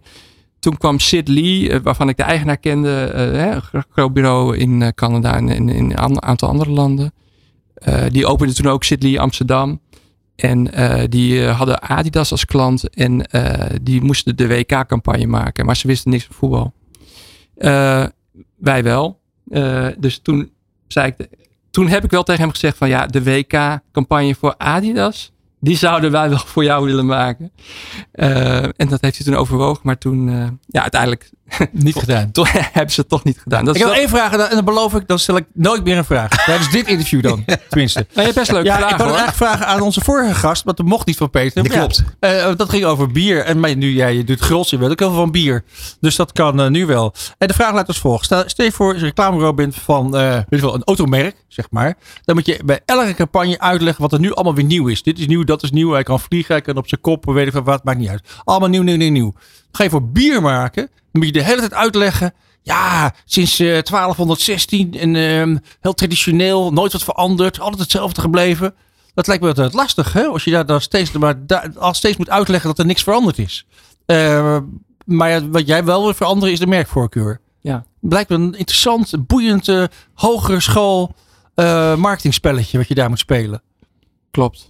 Um, ja, dat is niet zo makkelijk 1, 2, 3 uit te leggen natuurlijk. Maar dat begint natuurlijk met een onderscheidende strategie. En, en op een of andere manier, als je een goede stratege hebt en, en een goede adverteerder, ja, weet je net een angle te vinden van, ja, daar denken we dat het zit. Weet je wel, daar denken we dat dat, dat mogelijkheid is voor groei. Uh, hè, je wil groeien, ja, een biermerk ja. wil ook groeien. Um, maar je hebt gelijk, het product is niet veranderd uh, over het algemeen. Ja. Uh, dus uh, ja, dan, maar dan ga je het over, dat is nou het merk bouwen. Dan ga je kijken van, hoe kunnen we bij die doelgroep een, voorkeur creëren? Ja, en dat is de magie van ons vak. En, dat is eerst heel goed nadenken over strategie. En waar denken we dat het zit? In, in de mentaliteit of iets dergelijks. Of de herkomst. Of, nou ja. En ja, dan gaan de creatieven met hun voeten op tafel zitten. Waaronder ik, waarvan ik er één ben. En die gaan dan uh, ja, iets bijzonders verzinnen. De connectie met, uh, sorry. Wacht ja, even. Film, de connectie met even, daar even. Je, je, je hebt je belofte ben alweer gebroken. Ja, ja, ja. dit is B. Dat is je laatste vraag, hè? ja. Het is de, de, de connectie, Gros is altijd geconnect geweest met film. Ja. Uh, uh, dat zal ongetwijfeld blijven, denk ik. Dat zal Marlene ook leuk vinden. Uh, vind je dat goed? Aan zich, als concept? Ik, ja, ik, ik ben opgegroeid met. Nou, opgegroeid. ik drink sowieso. ingegoten. Ja, ja, ja, ik drink niet veel bier. Maar uh, toen ik studeerde, was Grols mijn merk. Hè, en die beugelfles, prachtig. En ja. inderdaad, altijd die Grols commercials in die bioscoop. Daar ben ik zelf mee opgegroeid. En ik vind dat wel een heel mooi domein dat ze dat eh, eh, altijd hebben weten te claimen en, Ja. en, en, Ja, en nog steeds zeker. doen. En gaat heel goed met de film. Ehm, dus inderdaad, wij gaan, eh, ja, eh, wij gaan ook weer eh, iets moois voor de bioscoop eh, maken als het goed is. Maar je collega wil misschien iets vragen. Nou, ik wilde eigenlijk meer een opmerking maken. Dank. Namelijk, eh, je gaf aan, hè, je bent zelf ook heel gewoon gebleven en zo. Je hebt nog niet zo heel veel behoeftes. eh, verder dan wat je al hebt. Eh, toch vind ik dat jij niet Antoine met de pet bent. Heel eerlijk gezegd. Mm. En dat heeft onder andere te maken, ten slotte, want we hebben niet zoveel tijd meer. eh, dat jij, je gaf het al heel even aan, een stand-up comedian bent. Aan het worden. Aan het worden. Ja, je bent, ja maar goed, er ligt, toch- daar ligt een ambitie, toch? Ja, ja. Dat- Nou, eh, dus ik wil heel graag van jou weten, waar komt dat vandaan? En waar wil je naartoe? Want dat is, dat is nogal niet niks Nee, eigenlijk. wat een goede vraag. Hoeveel tijd hebben we nog? Nou, doe eventjes eh, twee minuten max. Oké. en mijn eh, hele goede vriend Peppi Mare is de oprichter van Joe Public Zuid-Afrika. En hij is ook een soort goeroe geworden in het vinden van de purpose van bedrijven en CEO's en, en dat soort mensen. En voor mij is dat vaak, ik, het past niet zo bij mij. Ik ben erg nuchter en, en, en eh, ja, op zoek naar mijn purpose had ik niet zo'n behoefte aan. Maar hij wil wel heel graag mij daarin helpen om dat ook te vinden. Dus nou oké, lang verhaal kort. In Zuid-Afrika in een week in een lodge, eh, hartstikke leuk heeft hij me geholpen. En om dat in twee woorden vast te pakken, waar sta ik nou voor? Mhm. In het Engels kwam ik op creating happiness. Dat is mijn doel eigenlijk. Oké. Ehm, en als je dat dan vorm gaat geven, als je elke dag alles gaat toetsen daaraan, doe ik dat voor mijn mensen, doe ik dat voor mijn klanten. Ja, ik kan in mijn werk heel veel happiness leggen, heel veel humor vaak. Ehm, maar als ik eerlijk ben, wat mij echt het, het, het, het meest raakt, is als ik leuke grappen kan maken bij mensen. Ik doe, maak de hele dag grappen. Ehm, maar wat is leuker dan mensen vermaken met jouw grappen? En, en, en eh, dus ja, daar ligt de ambitie. Ik heb een workshop gedaan, op, eh, twee optredens. eh, Dus het smaakt zeker naar meer. Ja. Maar waar het gaat eindigen, weet ik niet. Ehm, Heb je een droom? ja, dat wel. Ja. maar die ga je niet delen met ons. Oh jawel hoor. Oh. Nee, nee de oudejaarsconferentie in Carré. Dat Ja. zou ik wel Nou, dat ik aardig maar- vinden. Ja, Ja. dat is, het is best leuk. ja. Toen ik een bureau begon, dacht ik, nou, binnen vijf jaar wil ik bureau van het jaar worden. Ik, als ik iets doe, wil ik het ook heel goed doen. ja, je wil wel winnen. Ik wil wel winnen. Ja. Dus, dus dat is mijn ambitie. Mag Nou, ik nog iets zeggen? Ja. Het is geen vraag, hè? Het is een opmerking. Oké. Ja, nee, die, die latest campagne die je hebt gemaakt voor, eh, hoe heet het merk weer? Met die mensen die zo eh, bang zijn. Die mensen die zo Dat stelletje wat bang is. Oh, voor orde. Ja, hoor, ja, Oh. ja. Die, dat is dan helemaal niet grappig, maar vond ik zo mooi. Op een gegeven moment dan gaat ze met een speedboot aan het einde van de wereld op de oceaan. Ja. En er staat op een gegeven moment een soort van heel groot bord in die oceaan. Ik weet niet precies wat erop staat, maar het ziet er heel tof uit. Ik moest er helemaal niet om lachen. Ja, wa- warning, end of earth. Ja, precies. Ik moet hier de credits... Ik moest niet om lachen, maar ik vind het heel mooi. Oh, ja, ik het. moest er wel om lachen. Maar Ik ik, het mooi. Ik, moet hier wel de credits doorspelen. Ik zit hier nu aan de uitzending, maar ik, ik representeer ons bureau. En deze campagne is gemaakt door eh, Ruben en Mats. Supergoed eh, creative directors team bij ons. In het begin heb ik nog wel meegeholpen, maar dit, is echt aan, eh, helemaal op hun konto. Maar ik vind het een geniale, grappige commercial. Antoine, ontzettend bedankt voor je verhalen. En eh, enorm gefeliciteerd nogmaals met je zilveren en bronzen effies. Eh, het is een eh, lekker verhaal. Ik wens je heel veel succes met stand-up comedy. Want daar ligt toch wel heel veel van jouw hart, is duidelijk. En nou ja, wij gaan elkaar heel snel weer spreken. Dat is een ding dat zeker is. Dankjewel. Oké, graag gedaan. Het programma voor marketeers. Dit is Marketing Report. Elke derde dinsdag van de maand van half zeven tot acht. Dit is Marketing Report op Nieuw Business Radio. Dit is Marketing Report op Nieuw Business Radio. Ja, en zo aan het eind van dit eh, geweldige programma, want het is een geweldig programma, al was het maar omdat het een speciale winnaarsuitzending is, zijn we aan zo'n beetje aan het eind gekomen. Maar we hebben eerst nog Sophie van der Schaft. En zij is van N-Media Group en zij is Cross Media Persoon van het jaar. Hoera! Hoera, gefeliciteerd. Dankjewel. Wat, eh, wat was dat toch een leuke avond voor je niet? Het was een hele leuke avond. Ehm, ik weet nog dat ik binnenkwam. eh, we hadden het er net eventjes over tijdens het diner. Ehm, op mijn UX. Op je UX. Ik vond, het, ik, ik, vond jouw, jouw entree daar eh, in, in veel in Haarlem vond ik werkelijk onvergetelijk. Ja. Het was heel Nederlands wel, hè? Met Ja. die polderglammer. Want er Ja. zat wel een hele mooie jurk boven. Niet normaal. Eh, maar die, die, die UX waren toch wel nodig voor ehm, ja, de, eigenlijk het, het loopje van. Het was een behoorlijke loop was nog van de, van de parkeer naar de, naar de zaal. Ja. Ja. Maar het, eh, eh, het was een schitterende entree. En vervolgens kwam je tevoorschijn zonder hele dikke jas. en met hele mooie schoentjes. En, en een ja, oogverblindende jurk. Dankjewel. Ja, dat is werkelijk prachtig. Een winnaarsjurk. Nou ja, eh, ik moet je eerlijk zeggen. Ik wist natuurlijk al dat jij ging winnen die avond. En toen dacht ik, goh, dat treft wel dat je zo- zo'n mooie jurk hebt aangetrokken. Ja, nou, ik was blij dat ik, eh, dat ik een mooie jurk aan had, inderdaad. Eh, maar alsnog kwam het als een verrassing. Ja. Jij stond, wij was bijvoorbeeld heel laat was jij. Het was jou misschien niet opgevallen, maar ik stond al een kwartier buiten te wachten. Ik denk, god allemaal. Komt zal, ze wel. het zal toch niet gebeuren dat Ja. je een, een, eh, ja, De trein een had griepje en je enkel verspikt, eh, vergeten. of, eh, Hallo, we hebben hier wel met Sofie hè, te maken. Even een keertje meegemaakt, uh, geld zijde. Maar dat eh Jilde van der Bijl, die won een keertje de Grand Prix bij de Mercures. Oh. En eh, eh, dat hadden ze het niet tegen haar Oh, gezegd. ja. En niemand had het haar ingelicht. En ze had ook helemaal geen kaartje gekocht. En op een gegeven moment was er echt enorm veel troffel, trommelgeroffel. en, en dan de, de Oh, gaat dan naar Jildo. Jildo, kom op het podium. Nou, er kwam dus helemaal niemand. Ik, ik belde op. Ik zeg, hey, Jildo, waar zit je? Ja, ik zit in mijn pyjama voor de bank eh, film te kijken. En je wint de oeuvreprijs. Ik zeg, weer voor niks. Ja. Het was, Zo doen wij dat niet, Dat is- nou, we zeggen dat niet tegen de mensen. Maar ja, Nee, maar zorgen wel dat, eh, dat Had er ik wel jammer er gevonden. zijn. Nou, Ja. en toen, eh, k- toen hoorde je het en toen kwam je het podium op. En eh, vervolgens eh, gebeurt er van alles. Want dat weten wij, want we doen namelijk eh, persoon van het jaar al heel erg lang. Wat gebeurde er dan bij jou allemaal eigenlijk? Want daar ben ik heel erg nieuwsgierig naar. Eh, nou, op het podium zelf. ehm, Ja, eigenlijk daarna. eh, Of je er iets rottigs over het nee, podium? helemaal niet. Oh. Helemaal niet nee. Ehm, ik was, ehm, ja, er schiet wel van alles door je hoofd natuurlijk. Ik had hem, ik had hem niet helemaal zien aankomen. Ik vond het een, ehm, een enorme eer. Dus ik dacht eerst gewoon van, wow, ehm, wat een eer eigenlijk. En, en wat mooi dat deze juryprijs van al die vakgenoten, dat die, dat die naar mij is gegaan. En ik vond het eigenlijk leuker dan verwacht. Ehm, want in de auto ernaartoe had ik natuurlijk wel een beetje over nagedacht van, nou, wat nou als je, als je hem wint, wat, Ja. wat zou ik er dan bij voelen? Alleen ik had toch eigenlijk onderschat hoe leuk het is om dan de dag daarna van allemaal vakgenoten, van allemaal mensen die je kent, ehm, hele persoonlijke berichten te krijgen. Heel veel mensen zeiden ook van ja, ik had dat helemaal verwacht. En dat ik echt zo van helemaal verwacht. Leuk, ja, ik, ja. ik niet. Ehm, echt totaal niet. Maar leuk om dat te horen. Dat doet goed. Weet je, we, ik zie het ook als een prijs. Ehm, ik zat daar met mijn team, een gedeelte van mijn team. En het voelde ook een beetje als een groepsprijs. Mhm. Dat we dit toch met z'n allen hebben gedaan. Ehm, en dan word je gewoon trots. Ja, dan denk je van ja, we, we doen het niet voor niks.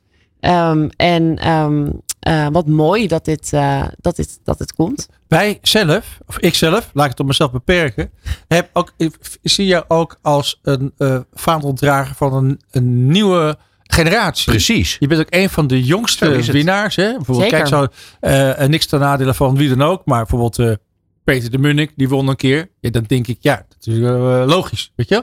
Ja. Maar jij bent nog... was bijna een Ja, jij, jij, jij bent Ja, precies. eh, wel een CEO, hè? maar eh, eh, als je dan gewoon puur naar je leeftijd kijkt, toch echt toch nog een, een, een, jong, een van de jongste winnaars. ja. Heel leuk eigenlijk. Vind ik ook leuk. En ehm, eh, dat besefte ik me ook. Ook toen ik naar de andere genomineerden natuurlijk keek. Ehm, maar goed, ik denk dat. Ik was, dat viel me trouwens op. Ik was de enige ondernemer in het lijstje. Ja, Dat is wel een pre, denk ik. Nou ja, en toen, toen sprak ik later met iemand die in de jury eh, zat. Ehm, eh, en die zei ook wel van ja, dat, dat viel ook wel op in, in die lijst. Ehm, dus eh, wellicht dat. Ja, ik weet het niet. Maar ik, nogmaals, ontzettend Nou ja, leuk. het is natuurlijk hartstikke stoer. eh, want ondernemer, maar ook heel succesvol. Het gaat ontzettend goed met jullie. Gaan we straks ook nog even over hebben. Mhm. Ehm, en dat dan inderdaad mensen zeggen van ja, de- deze persoon is wel de persoon van het jaar. Want, ja, en dan wordt er van alles opgezond. Eh, dat ondernemerschap, dat is heel stoer. Zeker als je het heel succesvol doet. En je hebt een prachtig team, dat, eh, dat weten wij ook. Ja. Dus dat, dat eh, ook leuk dat je dat, dat je dat noemt. Ehm, jullie werk, hè, dat, dat is in, in, in drie delen opgedeeld. Eh, je kan het eigenlijk het beste zelf maar eventjes vertellen. Ja, en dan denk ik ook meteen dat het leuk is ehm, om even te zeggen waar we überhaupt een beetje mee bezig zijn. Want wij zijn ooit gestart als end agency. Mhm. Ehm, toen zijn wij uh, uh, marketing PR bureau. Toen zijn wij uh, ook talent management gaan doen. We werkten al veel met influencers samen, co-creators. Dus toen dachten we van, hé, hey, we kunnen ook een management tak erbij oprichten. Waarom niet? Nu we toch bezig zijn. Toen zijn we um, eigenlijk een tv-poot gaan beginnen. Wat voor veel mensen ook wel weer van, huh, wat gaan jullie nu precies doen? Maar daar hadden we ook weer onze redenen voor. Want een van onze talenten, daar hadden wij een programma omheen verzonnen. Um, dat hadden we verkocht. En vervolgens moesten we het gaan produceren. Ja, dan kun je Ehm, goed een tv-poot beginnen. Toch? Daar beginnen we daar ook meteen aan. En waar we een beetje tegenaan zijn gelopen. We hebben op een gegeven moment hebben we de media group erboven gezet. Ehm, dat is ergens vorig jaar gebeurd. Ehm, en waar we eigenlijk nu een beetje te- tegenaan zijn gelopen. Is dat we vier merken hebben. Ehm, dus we hebben vier labels. Waaronder onze drie labels. And Agency en Talent en Format. Maar natuurlijk ook onze holding. Ja. eh, die erboven staat. En steeds meer. En wij kennen elkaar inmiddels eh, al een tijdje. En jullie hebben dit verhaal al meermaals gehoord. Dus ik, ik ga ervan nooit. ik ga ervan uit dat dit parate kennis voor jullie is. Maar nee, we merken wel met hoe meer mensen we aan tafel komen, nieuwe mensen, eh, of het nou eh, potentiële klanten zijn of ehm, influencers of mensen uit het, eh, het vak die we moeten spreken, dat, ehm, dat het veel, veel verhalen zijn om te vertellen. Dus we gaan waarschijnlijk wel steeds meer die labels naar de achtergrond laten verdwijnen. Oké. Ehm, en echt ons nog meer positioneren als een media group. Met een hele brede scope aan services die we Ja, aanbieden. een full service bureau. Een full service bureau. Want at the Ja. end of the day zijn we dat. Ja. Ehm, alleen is het soms lastig eh, om als we een agency hebben, dat we ook nog formats ontwikkelen. En dat, soms is het een moeilijk verhaal om te vertellen. Ja. Eh, maar we doen het allemaal onder één dak. We zitten ook met het hele team onder één dak. Dus eh, waarom niet gewoon met z'n allen onder Nou, één naam? Precies. En dan eh, ga je als klant ga je binnen bij de Crossmedia persoon van het jaar. En dan weet je dat je iets krijgt wat heel bijzonder en wat goed is. Want anders was je dat niet geworden. Daar ga ik vanuit. Ja, zo is het precies. hey, ehm, de verhoger wil ik het even met jou over hebben. Ja, Want dat leuk. vind ik, eh, over tv gesproken, dat is toch een ongelooflijk apart verhaal. En jullie hebben het gewoon helemaal verzonnen en begeleid. Ja, En daar was ontzettend En veel over. Ja, gemaakt. En, en er was heel erg veel over te doen. Als je bijvoorbeeld over PR gesproken. Ja Goed nee. gedaan. Nou, dat is dus een, een project wat, eh, waar ik zelf enorm enthousiast over ben. Eh, dat, dat gaat me gewoon eigenlijk alles wat met, met eh, het format development en het tv-stuk te maken heeft. Dat gaat me aan het hart. Want dat, ik ben ooit begonnen bij iWorks in een ver, ver verleden. Op de programmaontwikkeling afdeling. Ah. Ehm, en ehm, het, het bloed kruipt waar het niet gaan kan, zeggen ze wel eens. Eh, dit is eigenlijk weer een van onze nieuwe projecten geweest. Waarin toch best wel veel samen is gekomen van wat wij eh, aan het doen zijn met elkaar. Eh, twee van onze talenten, Anne Dominique en Danny. Danny Vroger, Mhm. de oudste zoon van René. Ehm, die, ehm, die zitten bij ons in het management. Daar zijn we op een gegeven moment mee aan tafel gekomen. Ehm, vervolgens hebben wij aan hen gevraagd van... wij zouden het onwijs leuk vinden om een programma eh, rondom jullie eh, familie te, te bedenken. En toen kwam Danny eigenlijk met het idee van... ja, we hebben ooit één keer een familiereis gemaakt, negen jaar geleden. En die reis ging naar Amerika en we zijn in campers gegaan. Doen we normaal nooit. Maar we hebben het er nog steeds over hoe leuk die vakantie was. Zonder camera's overigens. Dat was Mhm. helemaal gewoon een privé aangelegenheid. Ehm, nou, en toen al pratende kwamen we eigenlijk op het concept van... nou, wat nou als wij een keer mee mogen met de familie Vroger op vakantie? En toen vonden we het wel zo leuk om dan wel weer met die campers Ja. eh, eh, te gaan. Dus toen hebben we een reis naar Zuid-Engeland. Ook omdat er best wel wat kleintjes inmiddels bij waren. Dus de hele, hele overtocht naar... eh, Kleinkinderen. absoluut. Ja, ja. Met z'n vijftiende zijn ze Nee inmiddels. joh, in één Ja. camper? Nou, wel in meerdere campers. anders eh, anders hadden ze, waren ze denk ik niet meer heel uit teruggekomen. Eentje is ook 2 meter drie, dus dat, Ah, eh, dat was überhaupt al lastig. Nee, maar goed, toen zijn we met, met die hele familie naar Zuid-Engeland gegaan. Ehm, en hebben wij eh, in twee weken tijd een onwijs leuk tv-programma gedraaid. En dat is nu, ah, godzijdank, een groot succes op TLC. Maar op TLC. Ja, En dat vind ik namelijk, dat vind ik namelijk ook zo'n zo'n zo'n briljant verhaal. ja. Want dat was onderdeel van, van een enorme PR-campagne. Of tenzij, ik neem aan dat jullie dat gewoon hebben gestuurd. Het, het, het, het was eh, all over the place. Het was overal zichtbaar. ja, nou het was echt overal zichtbaar. Ehm, TLC heeft zelf ook een heel goed, eh, of de Warner Bros. Discovery moet ik eh, inmiddels zeggen. Mhm. Heeft een enorm goed team zitten. Maar ik denk dat het een perfecte kruisbestuiving was van het juiste talent, het juiste idee, misschien ook wel de juiste tijd.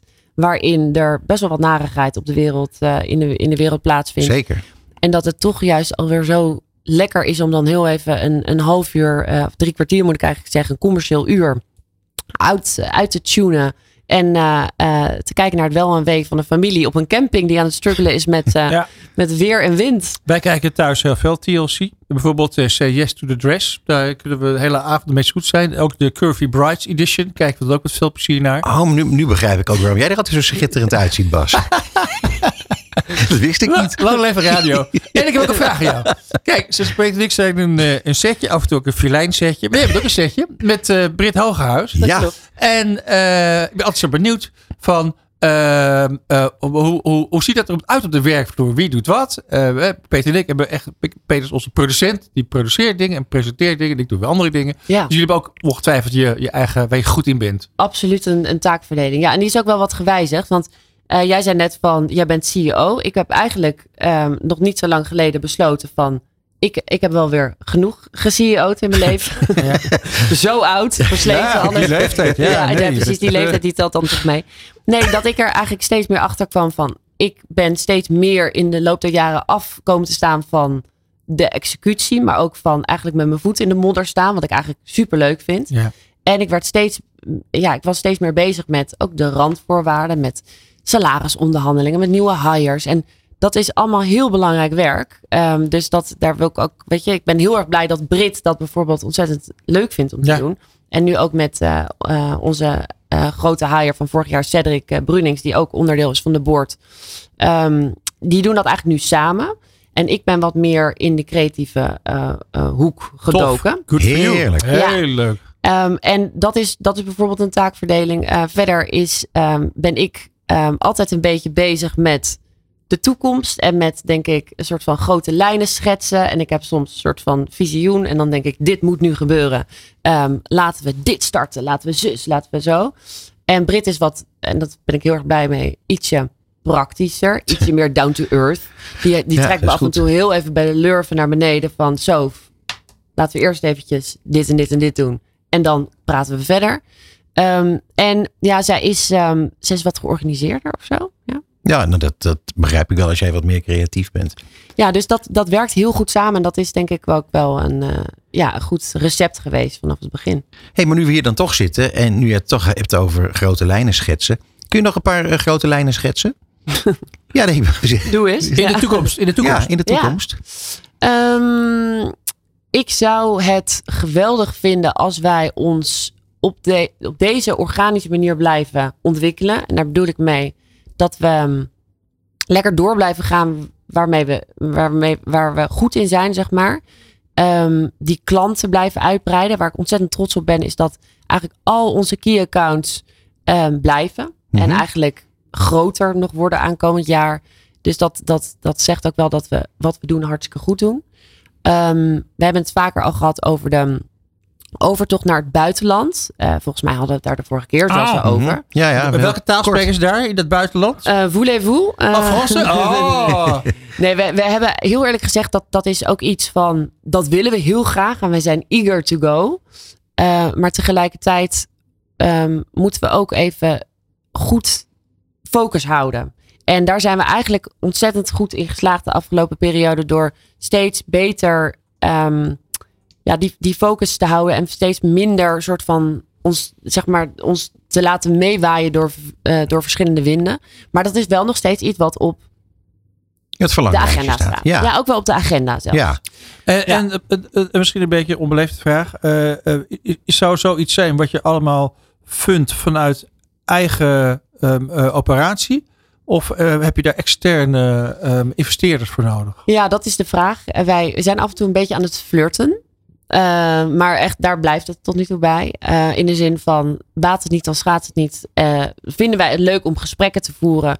Alleen eigenlijk alleen maar onder omstandigheid dat dat ook iemand zou zijn die, ehm, die niet alleen geldschieter is. Want om geld zitten we in principe op dit moment niet verlegen. En dat bedoel ik niet verkeerd, maar ehm, het, het gaat er heel erg om dat wij dan strategisch ook iets aan die Ja, persoon zouden ja, willen duidelijk. hebben. Ja. En ehm, daar, dat is eigenlijk waar we, eh, waar we af en toe een gesprek over voeren. Ehm, en dat zou eventueel ehm, een, een buitenland of een, een, een, een, een andere ehm, groei op wat voor een gebied dan ook kunnen, Spannend. kunnen helpen. Ja, maar ga je Ja. alsjeblieft niet in de verkoop gooien naar zo'n grote bureaugroep. Blijf maar lekker zelf. Ik vind het heerlijk op dit moment. Ja. Ja. Ik ben heel kleine vraag. Ik, ik, Ah, oh, excuses van tevoren.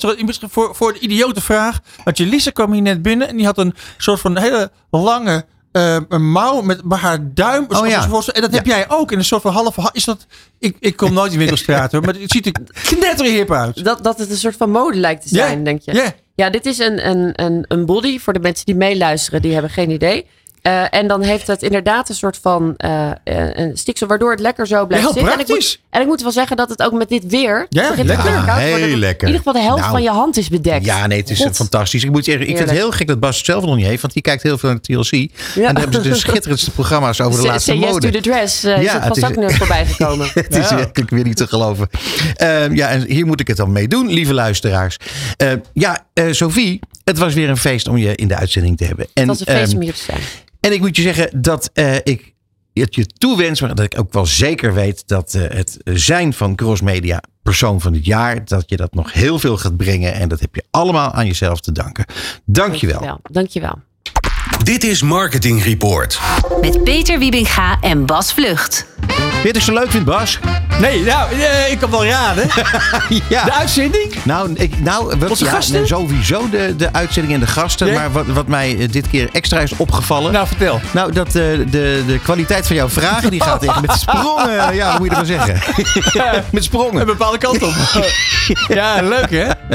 Ja. Jongen, Ja, jongen. nou, ik vond het ook een hele leuke Ja. uitzending. Nou, Echt, inderdaad. wat een, en dat ehm, ehm, een winnaarsuitzending, dat moeten we eigenlijk elke keer doen. Ja. wat vrolijke energie is dat. Over winnaars gesproken, heel graag het goed te doen. Mag dat? Ja hoor, doe We gaan maar. het goed doen aan John de Mol.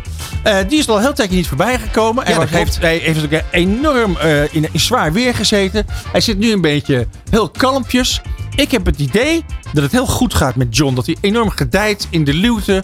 En dat hij lekker aan het bouwen is. Eh, zeker met die, met, met die idioten op dat, hoe heet het nou, Veronica Insight. Ja. Dat soort, Ja, dat gaat allemaal goed hè. Dat gaat echt goed. Ja, dat gaat echt En die heel goed. Helene, hè, die is opeens echt... eh Een ster geworden. is echt een wereld. ster, zeker. is toch heel hard gegaan. Ja. John, de hartelijke groeten. Het is je allemaal gegund. Nou, dat vind ik eerlijk gezegd ook. Trouwens, nu je er toch over John begint. Misschien Ja. is het wel een goed idee om binnenkort gewoon weer eens gezellig met John af te spreken. Ja. Zullen we dat doen?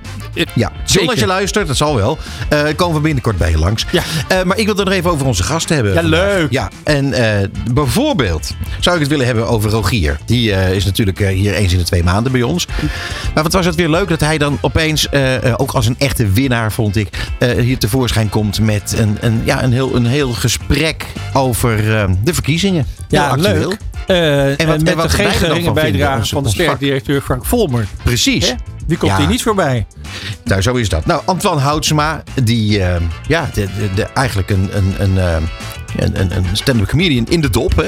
Ja, maar wat ik van Antoine echt heel leuk vond, eh, die gaf echt een goede inzicht in, Zeker. in, in hoe een bureau werkt. Ja, en ook, eh, ook totaal niet eh, beschaamd om ons gewoon echt een flinke veeg uit de pan te geven of gewoon te beledigen. Vond ja, ook leuk. maar ook te ontvangen. Hij kon ook En- incasseren. Ja, ja, nee, zeker. Ja, dat kon, kon die ook, ja. Nou ja, Gijs de Buur zijn we mee begonnen, hè? Ja. Van de Valley. Ja, die was natuurlijk apetrots op zijn gouden effie. En dat is natuurlijk wel te begrijpen. Een gouden effie. Gouden effie, hè? Ja, Dat dat, dat, dat is wel echt... eh, wow. Ja, weet je trouwens dat eh, Gijs die kwam binnen, vond ik heel leuk. Eh, wij zaten allemaal aan tafel. Toen kwam Gijs binnen met een, een krat bier. Ja, en allemaal gekoeld. Dus dan gaan we straks nog Oh, eventjes... tof. eh, dat heb ik helemaal niet gezien. een flesje Hertog Jan Moet gaan we zo meteen... niet vergeten, hè? Nee, Ons, ik was nu nog even bij Gijs. Ja, Oh, goed. En dan wou ik het nu hebben. Wilde Ja. ik het hebben. Over Jelisa, Panfret. Ja. Ja. de belofte. Die Eh, kwam met haar zus. ja, met haar zus is er Heb je dan nog gevraagd of het was omdat die een auto had? En deze, nou, ik weet niet van wie de auto was, maar ze hebben allebei een rijbewijs. Dus eh, het, Oh. was, eh, het maakt helemaal niet uit wie er rijdt. En eh, verder is dat ook helemaal niet interessant. Gezellig. Nee, leuk.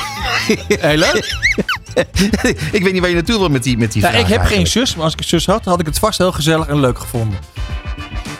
Ja, prima. Nou goed, eh, lieve mensen. Ja, en dan eh Sophie natuurlijk. Hè, die, eh, ja, dat is bijna een habitué in ons programma. Ze is al voor de tweede keer hier Ja. geweest. En eh, de derde keer? Tweede keer toch? Nou, dit Je bent op de tv-zender geweest bij mij een keer. Ja, oké. Twee keer maar- zelfs. Maar eh, laten we nou niet eh, Ah, dingen leuk. door elkaar gaan halen. Maar eh, dat was eh, eh, ook weer buitengewoon plezierig. Ja, Crossmedia persoon van het jaar. Die zou je maar in je uitzending hebben. Ik bedoel, dat, eh, dat hebben wij dan weer. En eh, nou ja, Bas, ik, eh, ik zou eigenlijk alleen nog maar hier aan toe willen voegen. Dat eh, ja, veel beter wordt het niet, denk je wel eens. Maar uiteindelijk is de volgende uitzending ook weer ontzettend leuk. Ik wil iets tegen onze luisteraars zeggen. Oh, doe maar. Ja, we zien elkaar eerst volgende week eh, de 28e. Hiernaast, Ja, november. hiernaast in Beeld en Geluid. Leuk. Ja. Bij de Content Marketing, Marketing Awards. Awards. En dan zien we elkaar allemaal op 7 december. In Club Ace in de Houthavens. Bij het M100 event. God, heb ik God hebben we toch zoveel gewoon zin een heerlijk vak hebben we toch. Ja, eigenlijk wel, ja. Ja. Nou, dan wil ik eigenlijk gewoon alle luisteraars bedanken voor het luisteren. En heel graag tot de volgende keer. Tot zover Marketing Report op New Business Radio. Alle gesprekken zijn terug te luisteren via podcastkanalen als Spotify, Duke of Apple Podcasts. Komende maand zijn we er weer op de derde dinsdag van de maand. Tussen half zeven en acht uur. Tot dan.